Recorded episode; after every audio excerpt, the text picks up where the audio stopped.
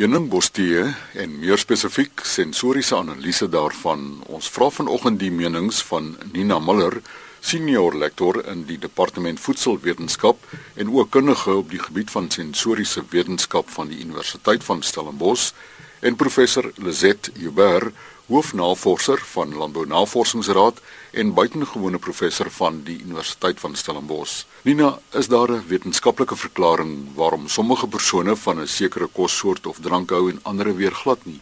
Ja, ehm um, ek kan miskien sê dat as jy kyk na die metode sensoriese analise, ehm um, dan is daar verskillende goed wat 'n mens kan toets. Jy kan byvoorbeeld toets wat die produkeienskappe is, hoe proe hy, wat is sy aroma ensovoorts en daarvoor word binne sensoriese analise is daar verskillende toetse wat 'n mens kan gebruik om daardie sensoriese kwaliteite van 'n voedselproduk te bepaal.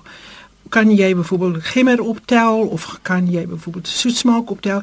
Ons is verskil geneties van mekaar. So almal kan dit doen, party beter as ander, maar dit is 'n genetiese eienskap van die mens, dit is 'n fisiologiese respons. So almal kan dit doen as hulle opgelei word om dit te doen. Aan die ander kant weer, as jy kyk na produkte waarvan mense hou of nie hou nie, dit is weer 'n psigologiese respons. Dit wil sê daar verskil mense van mekaar of hulle van 'n produk hou of hulle nie van 'n produk hou nie. Nou ons gebruik sekere sensoriese toetse, toetstegnieke om die byvoorbeeld die sensoriese kwaliteit te bepaal en dit is eintlik waaroor ons verder vandag gaan praat, maar ons kyk ook byvoorbeeld vir vir as deel van 'n projek, sê maar byvoorbeeld in die teeling van appels watter spesifieke teelyne hou mense meer van as ander. Maar dit het niks te doen met jou vermoë om ehm um, of die die hou van 'n produk het niks te doen met jou vermoë om te proe nie. Dit is uh, maar net 'n algemene eienskap wat die mense het om 'n voorkeur uit te spreek vir hierdie produk of versus daai produk. Hoe integreer julle dit in die vakgebied?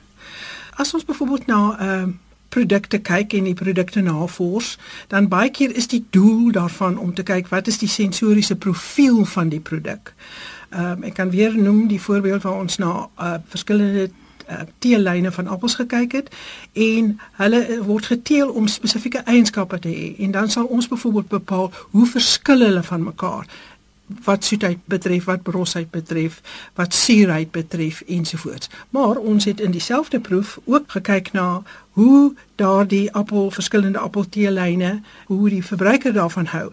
En dan sou mens spesifiek byvoorbeeld 'n sekere groep verbruikers hou meer van 'n suurappel, 'n ander groep verbruikers hou meer van 'n soetappel. En jy kan bemarkers kan daai tipe van inligting gebruik om te weet hierdie appelkultivars is baie goed vir miskien daai groep verbruikers en uh, ander appelkultivars is weer beter vir ander verbruikers. Hulle is geneig om dit te koop. En het jy 'n vaste proefpaneel as ek hulle so mag noem? Ja, vir die sensoriese analise waar ons na die produk kwaliteit kyk, het ons 'n vaste proefpaneel. So ons lei die paneel op om na die eienskappe te kyk en dan analiseer hulle die produkte oor 'n tyd en dan analiseer ons die data daarna om te kyk wat hoe verskil die produkte statisties van mekaar wat betref verskillende sensoriese eienskappe. En is daardie uh, analise wetenskaplik verwoordbaar? Ja, ja, van die saak, want ek meen die toetstegniek, ons gebruik standaard toetstegnieke wat wêreldwyd gebruik word en ehm um, hulle is opgestel om 'n sekere konsep te meet. Uh ons moet natuurlik uh die toets 'n paar keer herhaal want binne jou eksperimentele ontwerp veral as jy uh, betekenisvolle verskille wil kry tussen die produkte moet ons die toets die toets 'n paar keer herhaal um, om om om te kyk of die daar 'n betekenisvolle verskil tussen produk A en produk B is wat betref 'n spesifieke eienskap. Ja, definitief ons sal glad nie ons werk kan doen. Ons navorsings behoorlik kan doen as ons nie gebruik maak van sensoriese analise nie. Ek meen, toe ons destyds begin werk het op heuningbostee, was daar 'n redelike soort van 'n generiese beskrywing. As jy die geskrifte kon sien, hulle het gepraat van die geure soet en heuningagtig. En aanvanklik het ons dit ook gebruik gemaak, maar ons het later besef dit is heeltemal onvoldoende om die produkte beskryf. Daar's verskille tussen spesies veral, ehm um, wat ons kan glad hierdie nuances kom deur as jy net die die beskrywing sê maar so so soet en eningagtig gebruik nie. En ek meen Nina kan vir ons meer vertel van hoe hulle eintlik hierdie geur dan basies uitmekaar uittrek.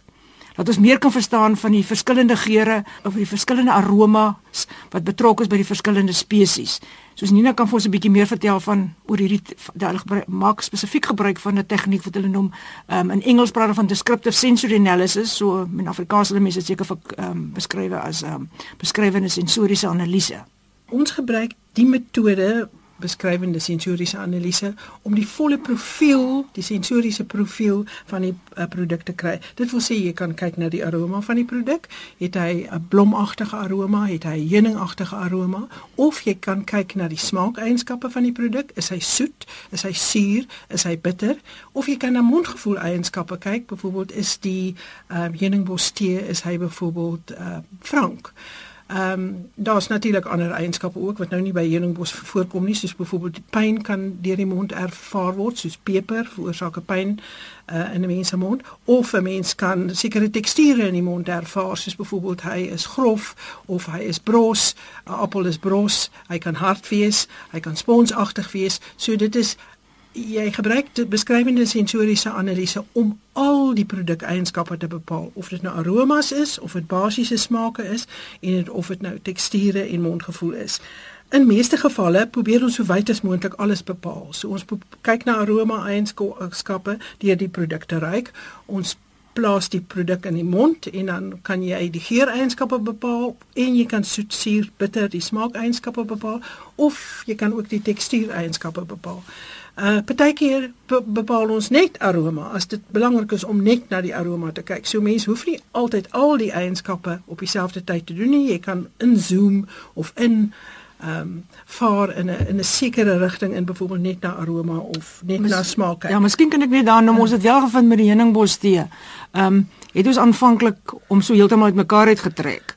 En toe het ons gevind dat ons kan net byvoorbeeld na die aroma kyk om vas te stel as ons die die die verwerkingsproses wil optimaliseer. Dat ons byvoorbeeld nou kyk ons net na die aroma in byvoorbeeld ons of net na die aroma eienskappe te kyk. So met nou ons kyk wanneer vorm die ehm um, soos jy sê maar die soetagtige geure soos appelkoos, karamel en so aan vorm daar genoeg die intensiteit van hierdie eienskappe is genoeg en dan in dieselfde tyd dan kyk ons wanneer neem goed soos hooi agter grasagtig en so aan wat jy nie in die tewe lê nie wanneer dit afneem. So daar's 'n baie goeie verband gewees tussen wat ons met die geur kry en dan oor die aroma. Maar as ons net na die aroma kyk, is dit byvoorbeeld baie eenvoudiger vir 'n vir 'n paneellid om hierdie evaluering te doen want jy moet in ag neem daar's baie ehm um, van hierdie verskillende geur en aroma nuances wat almal moet op 'n skaal gery moet word. En dit vat nogal redelik baie tyd soos 'n mens dit vir die ehm um, paneellid kan maak. Ek meen hoe meer genees hulle ook om op hierdie panele te dien. Mm. Ja, ons kyk ook byvoorbeeld na baie keer as jy byvoorbeeld sekere van die ehm um, heuningbos spesies is geneig om bitter te wees. So ons een van die projekte waarop ons nou baie kyk is ons bepaal of die monsters wat ons analiseer, hoe bitter hulle is. So die paneel en dit is nou tipies van beskrywende sensoriese analise, jy moet die paneel voor die tyd oplys. Ons lei hulle op om bitterheid te proe. Hulle proe dit aanvanklik eers by hoë konsentrasies en dan gaan 'n mens al laer al laer om te kyk of hulle by lae konsentrasies of hulle dit um, kan optel. In beskrywende sensoriese analise moet hulle die produkeienskappe kan identifiseer, maar hulle moet dit ook kan skaal. Dit wil sê hulle moet dit op 'n lynskaal van 0 tot 100 moet hulle dit aandui. En daai data analiseer ons dan om te kyk of daar betekenisvolle verskille tussen die intensiteite van die verskillende eienskappe, sensoriese eienskappe is tussen produk A en produk B en of produk B byvoorbeeld betekenisvol hoër is of betekenisvol laer is in sekere van die uh produkeienskappe. Nou ons het in heuningbos het ons ehm um, dit presies gedoen vir 3 uh heuningbos spesies, Cyclopia subternata, Cyclopia genestoides en Cyclopia maculata. En ons het nou in die afgelope 3 of 4 jaar het ons omtrent 6000 koppies tee het die paneel geproe. Ehm um, om die volledige sensoriese aroma, geur, smaak en mondgevoel eienskappe van ehm um, heuningbos daar te stel. As mens net na die aromas gaan kyk, uh, kon ons vir ehm um, al drie daai spesies 13 positiewe uh, aroma eienskappe identifiseer en ons kon hulle skaal. Nou die eerste groep is byvoorbeeld blomagtig. Daar's tipies sou jy dalk kry wat ons noem fynbos blomagtig roosmalva of in Engels rose geranium en roosparfuum is die drie uh amper soos ek sê floral notes wat ons kon identifiseer in daai drie um Cyclopia species. Dan is daar ook die vrugtige of vrugagtige um eienskappe soos byvoorbeeld appelkoos, suurlemoen en gekookte appel. Dan houtagtig, ons noem dit fynbos houtagtig, so dis 'n tipiese houtagtige aroma wat die produk het. Ons kon in sekere van daai spesies ook dennenaalde optel. En dan natuurlik spesery. Ehm um, in meeste gevalle is dit kaneel. Hier en daar kry jy 'n monster wat byvoorbeeld 'n uh, bietjie na naaltjies ruik. En dan die daar's nogal heuningbos is bekend daarvoor dat hy soet is. So daar's heelwat aroma eienskappe of 'n paar aroma eienskappe wat ons noem soet geassosieer.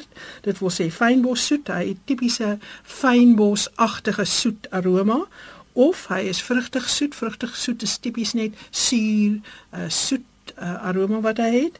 Dan heuning natuurlik en ehm um, die een wat ook voorkom is ehm um, karamel. As jy nou luister na hierdie geure wat of hierdie aroma beskrywings wat Nina nou vir ons gegee het, as jy nou 'n um, bietjie terugdink aan wat ek nou vroeër gesê het van vroeër jare het hulle net gepraat van is 'n soet heuningagtige geur. Ek meen vandag het ons 'n baie groter palet van soort van aromas waarmee ons kan kan kan uh, die produk kan beskryf. En ons kan soveel meer verstaan wat gebeur dan te, in ver, die verwerkingsproses. Mm. So sekere van hierdie um, aroma nuances kan ons verhoog deur onder sekere kondisies te te verwerk. As ek met verwerking bedoel ek nou hierdie soort van hoë temperatuur oksidasie proses wat ook meer bekend staan as fermentasie. Ons het gevind byvoorbeeld in Cyclopia genestoides as ons by 80 grade uh, fermenteer by 24 uur langer dan verhoog ons hierdie um, roosmalva geur. Ja. Ehm um, terwyl ek dink is dit appelkoos kom is is meer prominent wanneer ons by 90 grade vir 16 ure. Maar as ons nie hierdie die, die geur in die eerste plek of die aroma in die eerste plek nie so uitmekaar uitgetrek het met behulp van 'n 'n 'n beskrywende sensoriese analise nie, sou ons nie al hierdie fynere nuances um, opgetel het nie. En volgende week dieselfde tyd gesels Nina Muller van die Universiteit van Stellenbosch en Lizet Joubert ook van die Universiteit en Ellen R verder oor sensoriese analise. Groete.